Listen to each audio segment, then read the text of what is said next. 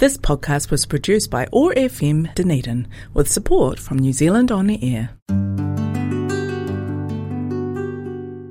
It's time for Muslim Chaplaincy Conversation at OAR FM Dunedin.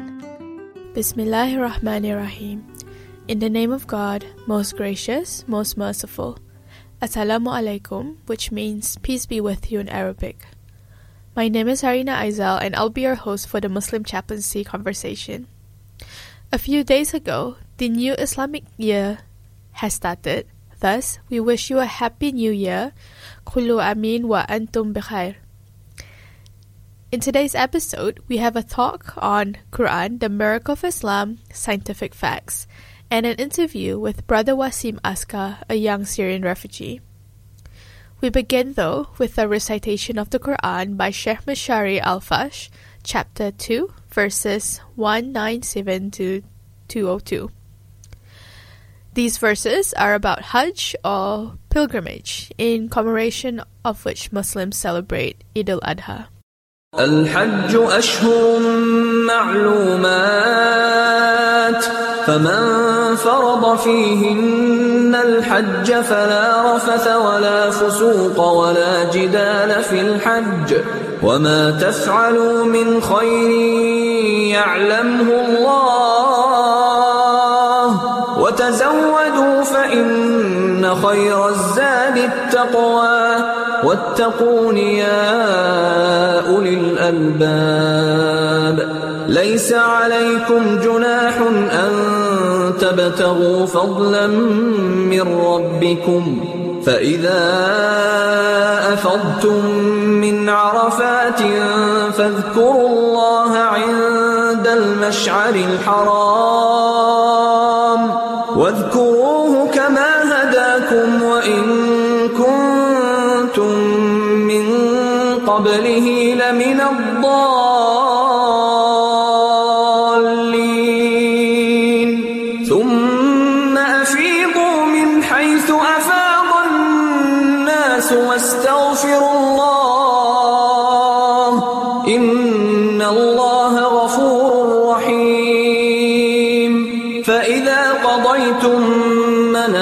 مناسككم فاذكروا الله كذكركم آباءكم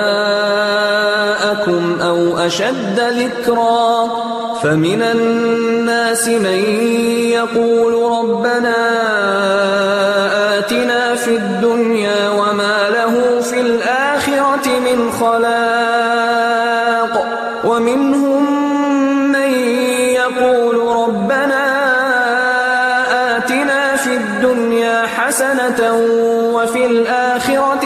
حسنة وقنا عذاب النار أولئك لهم نصيب مما كسبوا والله سريع الحساب Translation of the recited verses.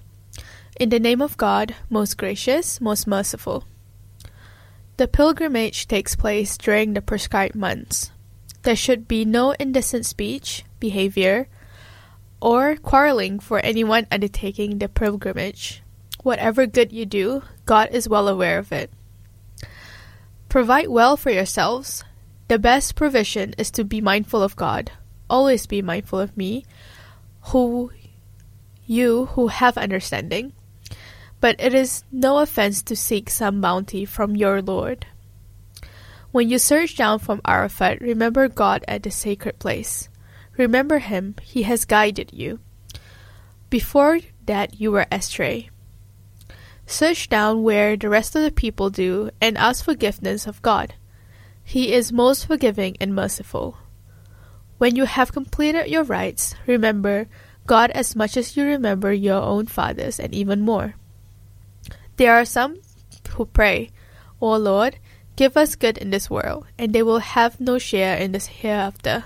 Others pray, O Lord, give us good in this world and in the hereafter, and protect us from the torments of fire. They will have the share they will have worked for. God is swift in reckoning. In this section of the program, Dr. Najib Lafri talks about Quran, the miracle of Islam, scientific facts. Bismillahir Rahmanir Rahim. So far on the topic of the Quran as the miracle of Islam, I have talked about the noble Quran's eloquence and literary qualities and its wisdom and guidance. The latter can be appreciated by those who ponder deeply on the teachings of the Quran, and the former by those who speak the language of the Quran, that is Arabic. Today's talk is on scientific facts found in the Quran. This can be appreciated by all of us living in the modern world and being well aware of the high esteem that science enjoys in our societies. Before presenting some examples of scientific facts in the Quran that have amazed me greatly, I want to offer a cautionary note. The Noble Quran is not a book of science. It's a book of guidance, and it certainly guides us towards scientific discoveries by its constant encouragement to observe the natural phenomena and to ponder and contemplate. But this does not mean that, as some Muslims believe, the Quran contains all knowledge, including the scientific ones. Since Maurice Bucaille, a French scientist and physician, wrote his famous book, The Bible, the Quran, and Science, in the 1970s, countless books and articles have been written on the subject of the Quran and science in various languages. While many of such works and views are well founded with rigorous research and right attitude towards the Quran, many others are mostly speculative and not based on proper a proper understanding of science and or the Quran. Worse yet, some of those works try to use the Noble Quran and even the traditions of our Prophet, peace be upon him, to come to some scientific conclusions themselves. A Muslim professor of physics and astronomy gave some examples of such work in his interesting book, Islam's Quantum Question. This is a very interesting book if you want to get it. Islam's quantum question and rejects them. He rightly quotes Muhammad Abduh, a late 19th and early 20th centuries Islamic scholar writing, quote, if it were upon the Prophet to explain the natural and astronomical sciences, that would be the end of the activity of human senses and intellect. Therefore, the doors for those sciences are intellect and experimentation, not tradition and religious sciences. End of quote. The above remark should not mean, however, to deny the existence of scientific facts in the Quran altogether, as the learned author of the above mentioned book seems to do. Why are there scientific facts in the Quran? God knows the best. We can only speculate about its possible reasons. One reason can be to underscore the authenticity of the Quran at an age when science looks like taking the place of God for many people. Reading the Noble Quran, we come across verses and passages that seem to relate to the news we heard, something we read, or a documentary we watched recently. What are we supposed to do? Is it better to ignore it just as an a coincidence or to ponder more and investigate? I personally prefer the latter. I see that as a religious duty and also as a blessing from God Almighty to strengthen my own and my fellow Muslims' faith.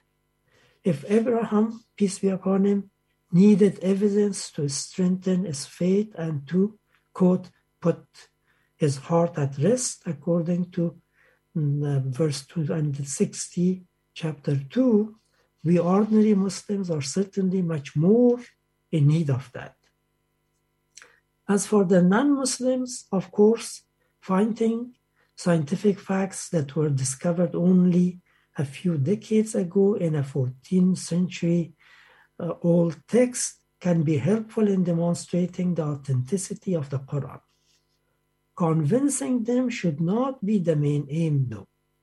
If someone approaches the Quran with a, an open mind and heart and sincerely searches for the truth, they will find ample evidence in the theological and ethical teachings of the Quran. But if someone closes their heart and mind, no matter how much evidence are presented to them, they will be able to find reasons to continue holding to their own views.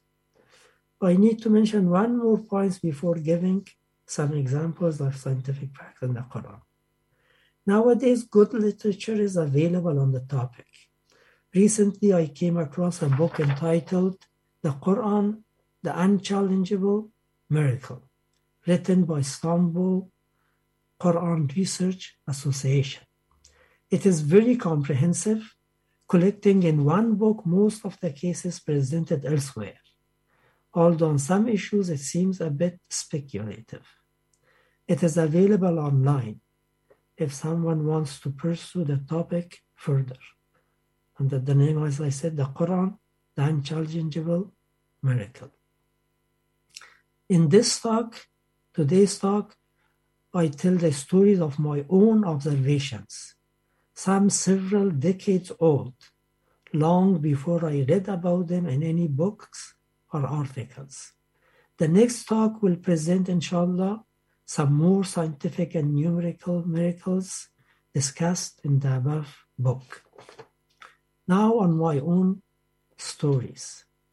In the first half of the 1990s, when my family used to live in Kabul, I purchased some English language high school books in India for my children to learn English. One of the books consisted mostly of short stories, but there were a few lessons related to science too. One of the first lessons on science was about the origins of the universe and the Big Bang theory. Then there were a few more stories followed by another lesson on science about life originating in water.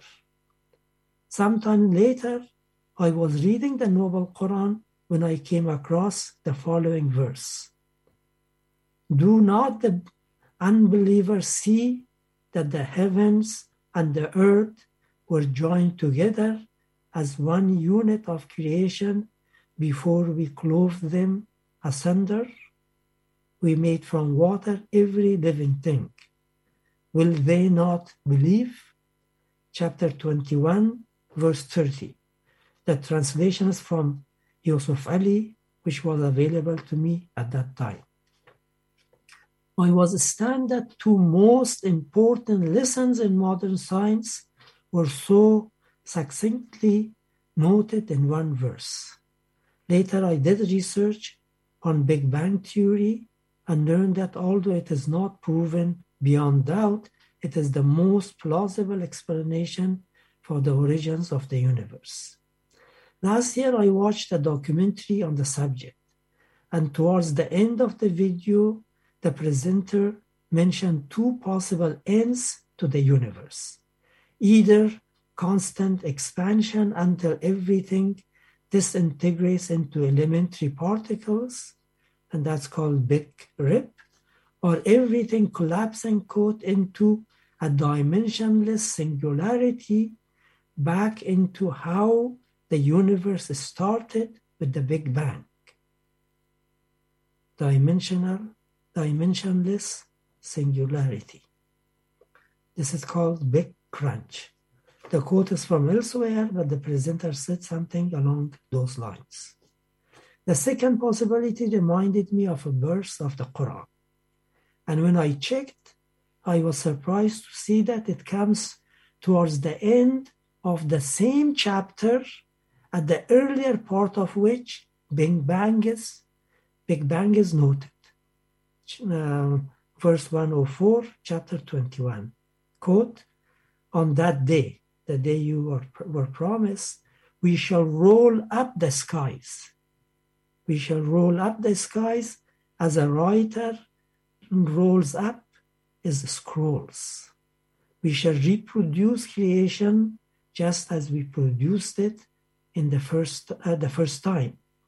This is our binding promise. End of quote. So the, the two possibilities, big rip or big crunch, that the presenter mentioned are related to the constant expansion of the universe, a fact that was discovered only in the 1920s. Again, it's interesting that it is also mentioned in the Quran, and I quote, and it is we who have built the universe with our creative power, and verily it is we who are steadily expanding it.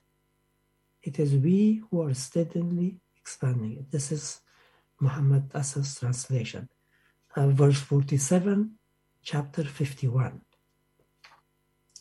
As for God Almighty saying, We made every living thing from water, chapter 21, verse 30, it can be understood in two ways, both of which may be scientifically correct.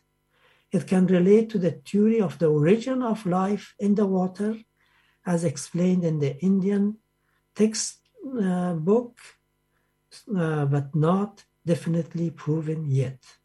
Or it can also relate to the fact that, and I quote, all living organisms are predominantly made of water. Human beings about 60%, fish about 80%, plants between 80 to 90%. Water is necessary for all chemical reactions that occur in living cells. It is essential for food production and our living ecosystem. End of quote. There's another verse of the Quran on the subject, which again can support both views, but probably more the former. Quote, God has created all living creatures from water. Some of them crawl on their bellies, some walk on two legs, and some on four. God creates whatever He wills. God has power over everything. Chapter 24, verse 45. Regarding the origin of life and universe, I find another verse of the Quran interesting too. Quote, say, travel throughout the earth and see how He, God originated the creation. Verse 29, uh, chapter 29, verse 20. To me, this refers to the fact that God Almighty has given humans the ability to discover the origins of creation if they make the necessary effort. A fact that we take for granted today, but would have been unimaginable 1400 years ago. Another notion which was unimaginable that long ago, but seems to have been alluded to in the Quran, is the possibility of traveling to outer space. As we know, the theoretical possibility of space travel was first raised in the second half of the 19th century, and some people started to seriously think about it only in the 20th century. To me, the following verse of the Quran refers to that possibility. Quote, O assembly of jinn and humans, if you can penetrate beyond the realms of the heavens and the earth, then do so. But you cannot do that without authority. Which then of your Lord's blessings do you both deny? Chapter 55, verses 33 34. The authority mentioned here may refer to the power and ability to take care of what is noted in the next verse. Uh, verse 35, chapter 55. Flames, quote, flames of fire and smoke will be sent against you. Flames of fire and smoke will be sent against you, and you will not be able to defend yourselves. End of quote. When I shared my thoughts on this with a professor of religious studies at Kabul University in the late 1990s, while finding my understanding plausible, he mentioned another verse which he thought its meaning became clearer after men walked on the moon. Quote, and there are many signs in the heavens and on the earth that they pass by and give no heed to. Chapter 12, verse 105. The word translated as pass by literally means to pass on or over. So the verse alludes to the possibility of humans passing over signs of God in the heavens. One verse after the one referring to expanding universe, we have another verse containing another great scientific fact. Quote, and we created pairs of all things so that you people might take note or reflect. Chapter 51, verse 49. This is stated differently in another verse. Quote, Glory be to him who created all things in pairs, what the earth produces, as well as themselves, and other things they do not know about. Chapter 36, verse 36. What are those other things we don't know about? When I first realized the significance of this verse, I thought they referred to the negative and positive electric charges of electron and proton in an atom, the smallest unit of, the, of matter. Later, I was surprised to lear, learn while watching a documentary that there are much more pairing in the universe than previously thought.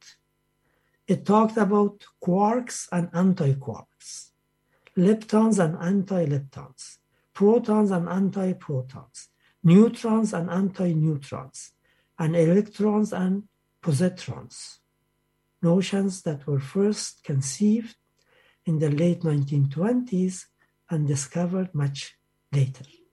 When I tried to find out what quark was, again, I was amazed to learn that there are six types of quarks consisting of three pairs. Again, pairs, three pairs. Up, down, one pair, charm, strange, another pair, and top, bottom, another pair.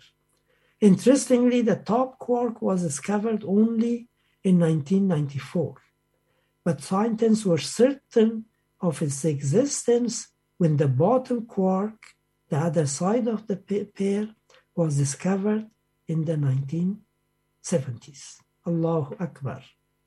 Truly, God is greater than all what we know and can imagine. I still have several other items on my list of scientific facts in the Quran that have amazed me, but we are running out of time. Hopefully, some of those will be noted in the next talk. In brief, the Noble Quran is not a book of science, and it should not be used for learning about science. However, it does contain many scientific facts that were discovered only in the last one or two centuries. Finding such facts demonstrates the miraculousness of the Quran, serving as another evidence to those who sincerely ter- search for the truth and strengthening a Muslim's faith. As the Quran states, quote, true believers are those whose faith increases when his God's signs are rehearsed to them. Chapter 8, verse 2. Thank you. Thank you, Dr. Najib. Now, we start our interview with Brother Wasim. Assalamualaikum, Brother Wasim. Thank you so much for being here today on our show. Walaikum assalam wa rahmatullahi wa barakatuh.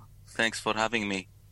Uh, thank you so much. Can you please share with us an introduction about yourself? Yep, sure. My name is Wasim uh, Abdurrahman Aska. I'm uh, originally from Syria and I have been in New Zealand for five years. Can you tell us about growing up in Syria? Sure. Um, I'm. Uh, I have left Syria since uh, 2012, and I left. I, I lived in Syria for about uh, seven years because uh, my father was uh, overseas worker, so most of the time he uh, took us with him. So my uh, life in Syria, that was when I was six years old, and uh, we moved from Lebanon, where my father was working, to Syria, and um, it was very um, safe environment, and like any um, child, you know, at that age, uh, they dream to be a doctor or they dream about their future. And um, um, I belong to a family who uh, work in uh, farms, and I used to help them a lot and learn uh, about uh, growing wheat, growing uh, corn, cotton, vegetables, all of that. And also, um, my father was a supermarket owner, and he gave that responsibility to me because he most of the time away. So this is was part of my childhood, and um,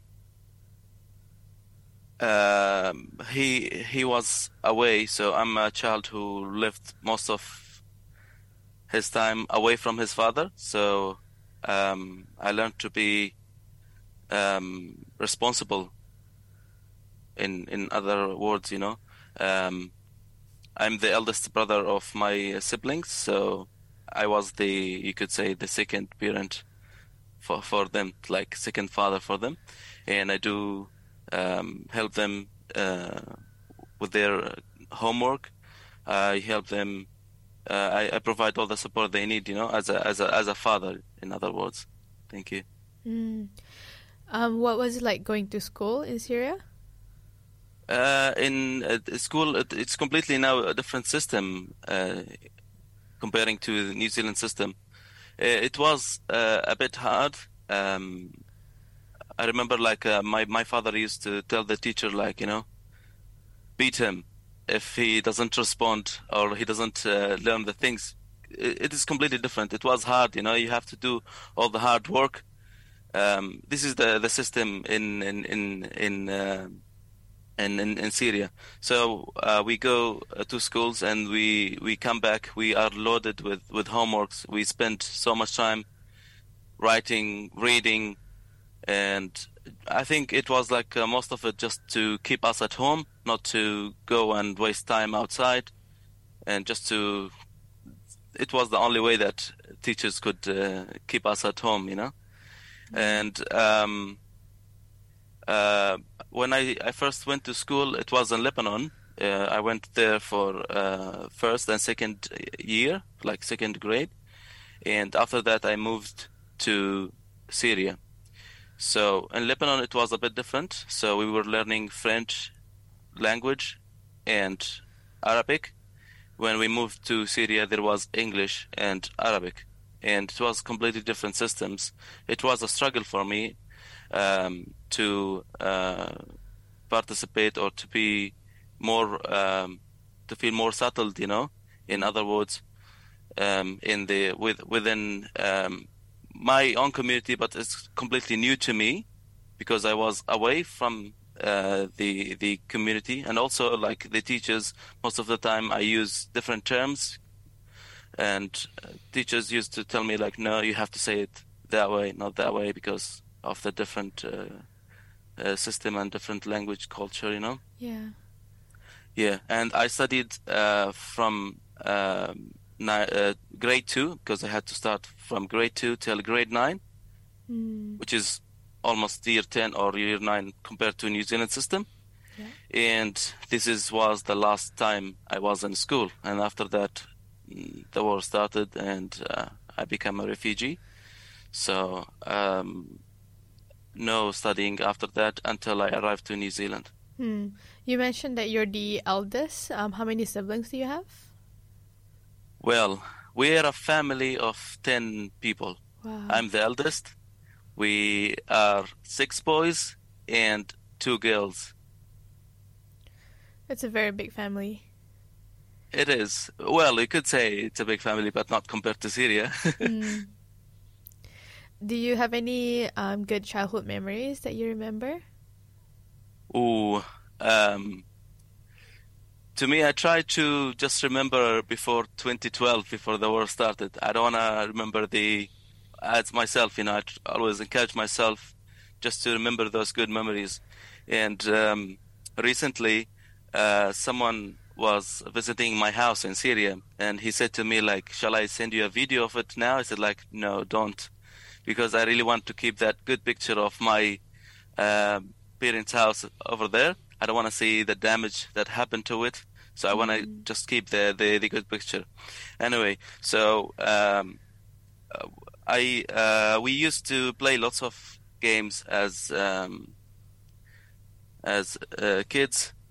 Um, some of those games like uh, called seven breaks. So we bring seven breaks, put them on top of each other, like build a, a small, tiny tower, and if we have a ball, we throw the ball, and then uh, someone has to protect. Uh, it's it is it is like um, you could say like it's like a, a mix of baseball and cricket, you know, kind of, you know, yeah. So and we we play this game, and sometimes we don't have a ball because you know most of uh, uh, most of us like you know I, I don't want to say poor, but you know, uh, it is it is hard for us, you know, to you know maybe in uh, in one in ten kids, you know, you, you might have one have a ball.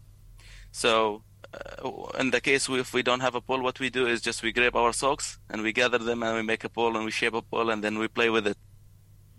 And it was uh, a beautiful um, memories and beautiful experience that teach me teamwork and teach me how to be resilient you know? Yeah. And there is there is uh, heaps of other type of games that we play that in groups you know? Uh, like uh, f- uh, baseball and we play football and we, we we we also make our own games. We used to make our own games uh, or our toys sorry in other words. We used to make uh, crossbows. We used to make slingshots we used to make um, um, many other games like you know I cannot quite you know bring them all now but yeah. So uh, it was um, a beautiful time that um, I want always to remember but unfortunately you know one day there was uh, like a, a very um, dark storm came and removed all of that but I always try to remember this part not after That's good that you're trying Yeah. to cherish those um, good memories and remember them. Um, yes let's talk about um, your experience becoming a refugee. Um, so, can you share with us when and why you left Syria? Sure.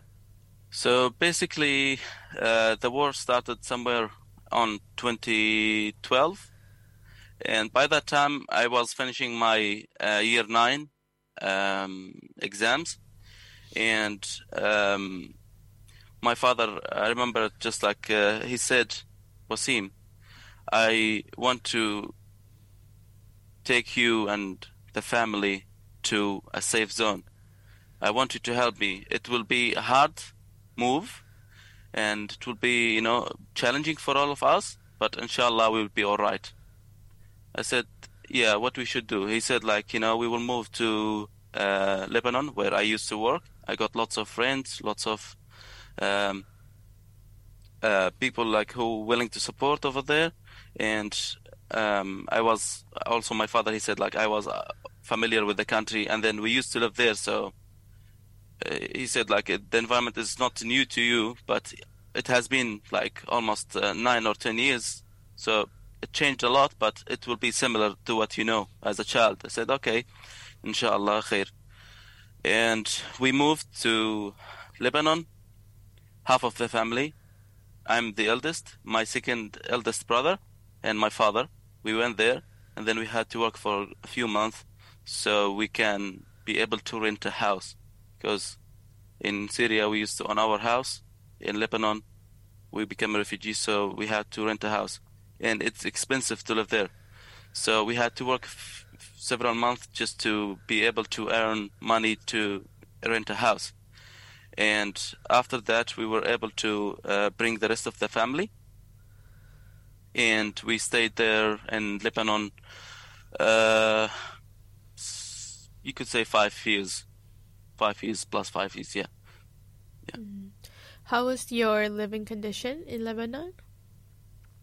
um, I was a full time worker. I was like by that age, I was like uh, almost 16 years old, and I was working 13 hours per day, and my daily wage was 10 US dollars, like you could say 13 to 15 New Zealand dollars a day, 13 hours per day. So pretty much a dollar per hour. So and uh, this is for the the the work and uh, as I said, like working 13 hours, there is no chance for me to join any education classes or learning classes. So I had to be the supporter for my family, and as well as my my brother, he was um, 14 and a half, 15 years. He was also working. Um, we decided to work. My father was telling us like, you know, we I could uh, put you in schools, but we know that the condition is hard. So me and my brother we had to work. One covered the rent, and another covered the house needs, and the other one just like for groceries and some other needs as well. So uh, it was challenging for us. If, if if one of us take a day off, it will be you know we might. Uh, cross uh, cross out some some items from our uh, shopping list or from our needs list. So it was challenging. So we had to be working full time. I remember like every other month. So we had a one day off. So yeah. Mm, thank you so much for sharing that. Um, it's good for us to know the realities of a refugee when you're moving. Um, can you also share with us how you came to New Zealand? Yes. So um, there was an organization. It's called UNHCR. So that helps refugee all over the world. And uh, we went to their um, center, and then we registered ourselves as a refugee. So they, unless they can support us with some money, like for rent or for food or um, accommodation or whatever. And uh, two or three years later, they said like um, there's uh, some countries that are welcoming refugees. So if you would like, we can put your um file just to so you can travel overseas and become a resident of one of these country or a citizen. I said like, yeah, yes, we would like because this is a very hard um, moment and very hard uh, um, situation, you know, as uh, a child working, and I really need to bring my dreams as a child tr- through, you know, as a to become to to study to um, put my uh, myself and my family in a, in a in a safe environment. So um, they um, they were having big list of questions about our living situation and our um, life back in Syria and what's the situation in Syria and what is the availability if you go back or here. We said like there is zero um, percent. There, there's we cannot go back uh, to Syria in the meantime. Maybe not in in the next ten years, because everything was destroyed, including our house. So, um, they filled that application, and all they can say, wait a call from us. It was maybe it's an easy word, but to us it was the only thing that we can, you know, give us hope. So I remember me and my father, and even like if I go and have a shower, I'll just take my phone and put it next to me just in case if they called. There is no appointment. So this is the only chance. They said to us, if you miss that call, you missed it. So imagine how hard what, what was it. And um, um, two years before I moved to New Zealand, I had a call from them, and uh, actually it was to my father. We had a call from them, and they said to my father like, "We would like to interview you uh, and your family." And we went there, and then we had the interview with them, and they said like, um, "There is application." Um, I mean, Australia and New Zealand are welcoming. Uh, first, they said like Australia are welcoming refugees, and I said like, "Yeah, yeah, Australia. It's a it's a it's a continent. You know, it's a you know big country. You know, we can go there and then we can. It's a, I think it's a safe environment there. We can we can go there. Yes, we we would like to go there, and um, we we filled another uh, application and form, and after two months later, waiting, and we having a bigger hope now of changing our uh, situation and do the best. You know, uh, we had a call from them. They said like we would like to do another interview with you we went there again, and then they said, unfortunately, Australia uh, um, immigration cannot take you as a refugees. We questioned why. They said like we cannot say anything, but they just declined your uh, application. Said like okay, but there is New Zealand are uh, opening like you know welcoming more refugees and said like where is the New Zealand? They said like it's I haven't heard uh, of New Zealand before. You know, they said like New Zealand, it's um, it's a country you know further, a bit further than Australia, just like a couple of hours on the airplane. It's like okay, that's good, you know. And um, we filled out the application, and they said wait for a call. We went home, and then once we went home, and then I said to my father like I want to know where is New Zealand, and then I remember like when I opened Google Earth and on my phone like it shows you the the, the planet like the earth like this as a, as a as a ball in front of you and i search it was like locating my my my location in in beirut in lebanon. And when i search new zealand and the planet in front of me spent all the way and then shows me new zealand so like oh my god that's too far.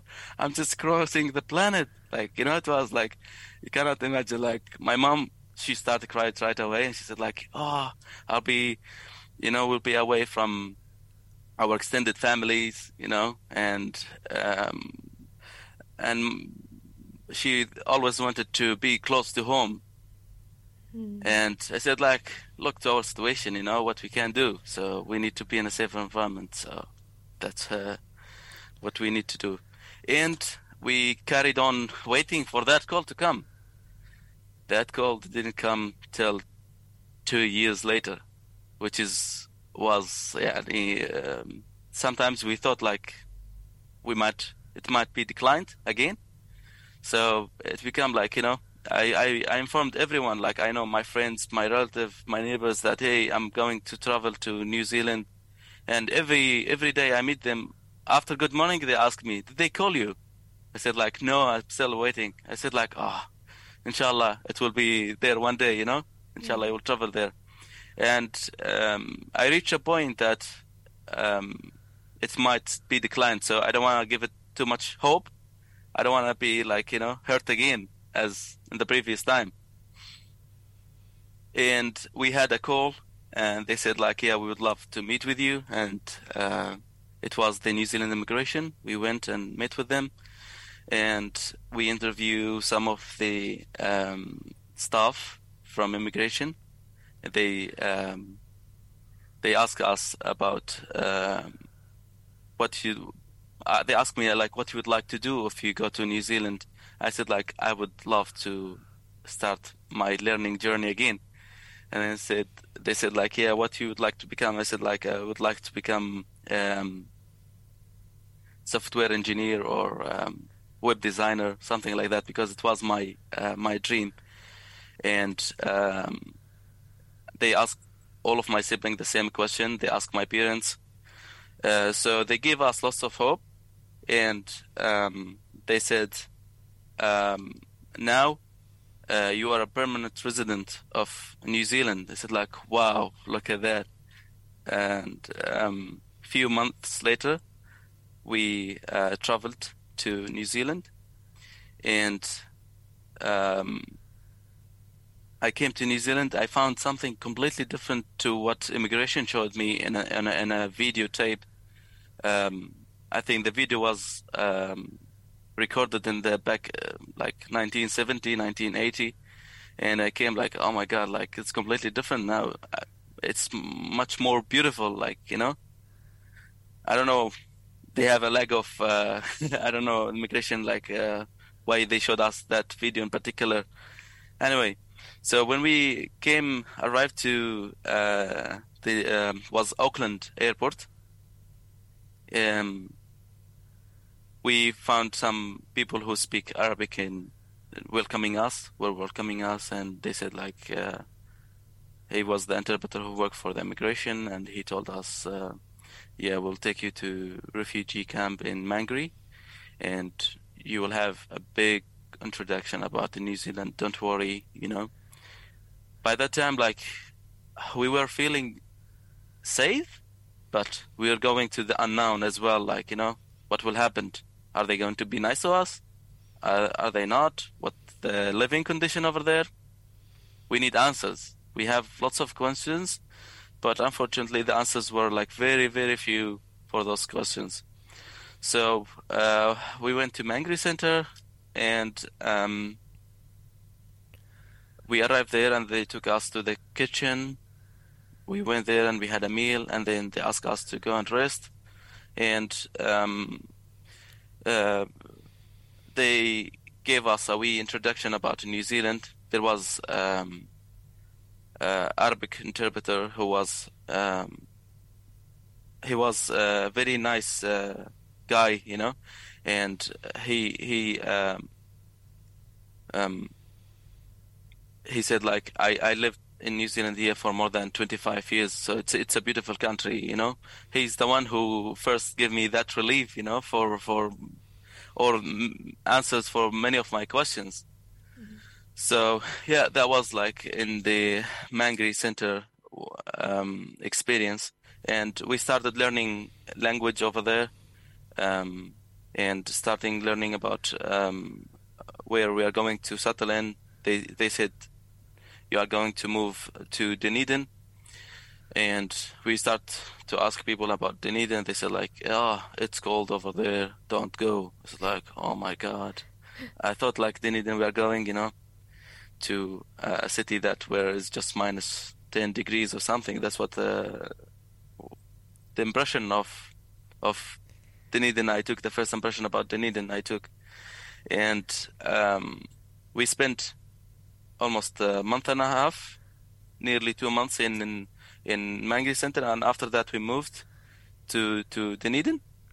And when we arrived to Dunedin, we found uh, that uh, people like were wearing T-shirts, and it's like, oh my god, this is completely different what people told us. So yeah, it was like an amazing experience. Yeah. Um, what was it like adjusting to the new society when you settled in Dunedin? Uh, could you put put that in other words? Um, any challenges that you faced when you were adjusting in Dunedin when you arrived? Yes, sure. It was uh, first uh, thing is just to find halal food sources, but we were lucky, you know, to find the Muslim society and the refugees, uh, former refugees who has been like few years before us. So they it was uh, uh, they they showed us like you know a few places that you can get uh, halal food, but they said like you know there are very few. And uh, we need to be aware of uh, what we eat and also the language barrier. I would say in other words the accent the kiwi accent like you know it's completely of what we learn completely different of what we learn at school. So they teach us something and when we go to the street we found it for us we found it something else. Uh, it was a bit challenging to adapt to uh, the um, the accent and uh, the food and also the the the culture. It was it was a welcoming you know culture culture all the time but there was lots of challenges you know. I have mentioned earlier and there is um, um, uh, what i can uh, say uh, i lost a word sorry yeah uh, Um, did you face any discrimination or racism while you were here? Uh, well, let's put it that way. Um, 19, 95% of the times it was uh, welcoming, and there was only 5% of people, you know, who are not uh, very welcoming, and some of them were racist. But uh, by that time, we were able to speak good English, so we were able to, you know, to to say back, you know, to repeat, like to, I mean, to um, to um, what's the word, um, to respond to the matter, you know, and to not let them bully us or being racist to us. So we were feeling more belong belonging to New Zealand. So we were feeling more New Zealanders than refugees or Syrian refugees, you know. So we would say like, hey, we are a citizen or we are a residents of this country, and then we are future citizens, and I have the same rights as you, and um, we were able to defend us in general. Yeah. That's really good. Uh, thank you so much, Wasim, for sharing us your story. Um, and you mentioned that you really wanted to study when you were Mhm. a refugee. Can you tell us um, your education journey while you were here? Sure. So once I uh, first arrived to New Zealand, um, I thought like uh, going to high school, but my age wasn't allow me to go to high school. So um, I decided to start learning the language because if I need to study anything or to be able to communicate with with anyone, I need the language. So I said like this is the first thing I need to do. So um, let me tell you about my um, language background when I first arrived. So I was knowing the alphabet, numbers, few words, uh, the colors. That's all I know. Greeting words, and um, my listening uh, um, skills wasn't that good. You know, I need to slow people always down. You know, so I can understand. And uh, my reading wasn't that bad. Um, my uh, I think Red Cross did an evaluation English level for me, and um, I was like ESOL. Uh, I used to um, go to ESOL classes, but I worked hard on myself, and um, I brought dictionaries and brought uh, online courses just to improve my language. And in three months' time, I was able to start level two um, in uh, the Otago Polytechnic, in the language center over there. So it was a good shift for myself. And um, what was good about those classes is um, that there is different. Uh, uh, there was students from different backgrounds, different languages. For example, there was Chinese students, um, and uh, there was um, Latino students, you know, like who speak Spanish um, and um, who speak different language, you know, and the only language that we communicate with, with each other is English. So that was like a a good uh, um, way of uh, learning language, and also learning about other languages and other cultures. And um, I studied English language for more than two years and a half. So I reached to the level of level four academic. So that allows me to go and study further studies. But uh, once I finished language, I found like, oh, I have lots of responsibilities that I cannot go and study full time at the meantime. So I decided to uh, work. Actually, I started working part time after the first year of my arrival, but I decided to work full time just to practice my English and to feel more confident of using it in in on the street and also to gain the the slang or the the, the street accent as well. So to be more confident when I speak or um, to be more confident of that I give me the, the, the, the feeling of yes now you got the language. So so uh, th- there was a uh, it was a feeling like you know when you you know you have two languages. So you think in your mother language and you speak in another language so it takes you time. So i was my plan was just to go and be a full time English speaker so that I can um, speak and think in the language so I can use it and be more fast and um, uh, what's the word? Um, um, coherent or uh, what's called um, yeah just to speak it fluently to speak English fluently in other words yes That's amazing. S- What yes. kind of jobs did you do? Um, at the moment, I'm I'm I'm working as a as a delivery driver because I needed uh, flexible uh, work, and you can do more work when you are able to and earn more money than you know than uh, shift or scheduled uh, work. So um, and uh, also I, w- I would like to say like uh, I, I'm I'm planning to study next year, so I'm trying to um, earn more money as you know now it's a difficult uh, situation for most of New Zealand for financially, you know. So I thought of uh, go and work earn some money and just to be able to study next year to be a full time student as yeah. So um and also for work um as i started here working in new zealand i worked as a kitchen hand and slowly slowly i became the kitchen manager. So uh, it took me like years and a half so uh to to yeah it was a it was a good experience and it was a good uh, move yeah Mm, it's good you have lots of skills. Um, what are you hoping to study next year? Um, I'm I'm planning to study next year Bachelor of Applied Management. Mm. Yeah, I, I it was like a, it was uh slightly different to what uh, my dreams was, but uh, I felt like you know I'm more into this than sitting behind a computer doing codes and uh, yeah, yeah. So I think this is more me of. Uh, um,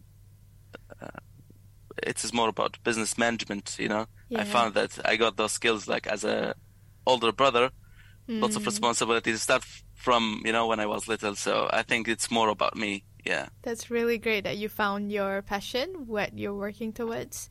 yes Um, so before we end the show, I really want to say thank you so much for sharing your story. I think it's really um, inspiring for the young people out there to listen. Um, do you have any advice for the Muslim youth? Uh, well, sure. I got um, many advice to myself and to them, but I would like to share one, just one for now. I think we don't have much time, eh?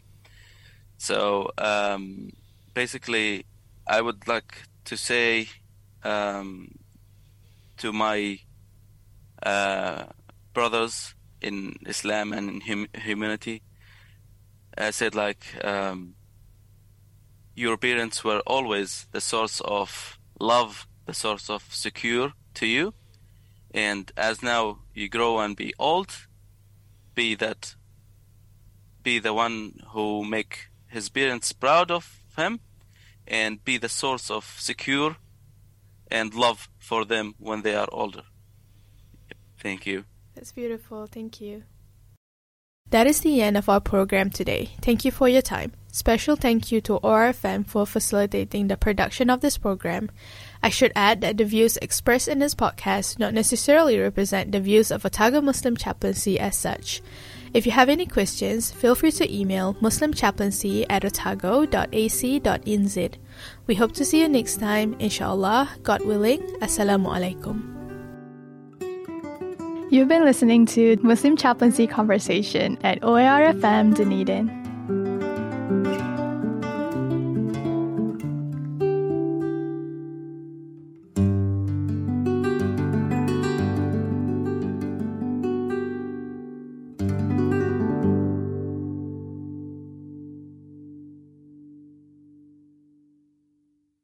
This podcast was produced by OARFM Dunedin with support from New Zealand On Air.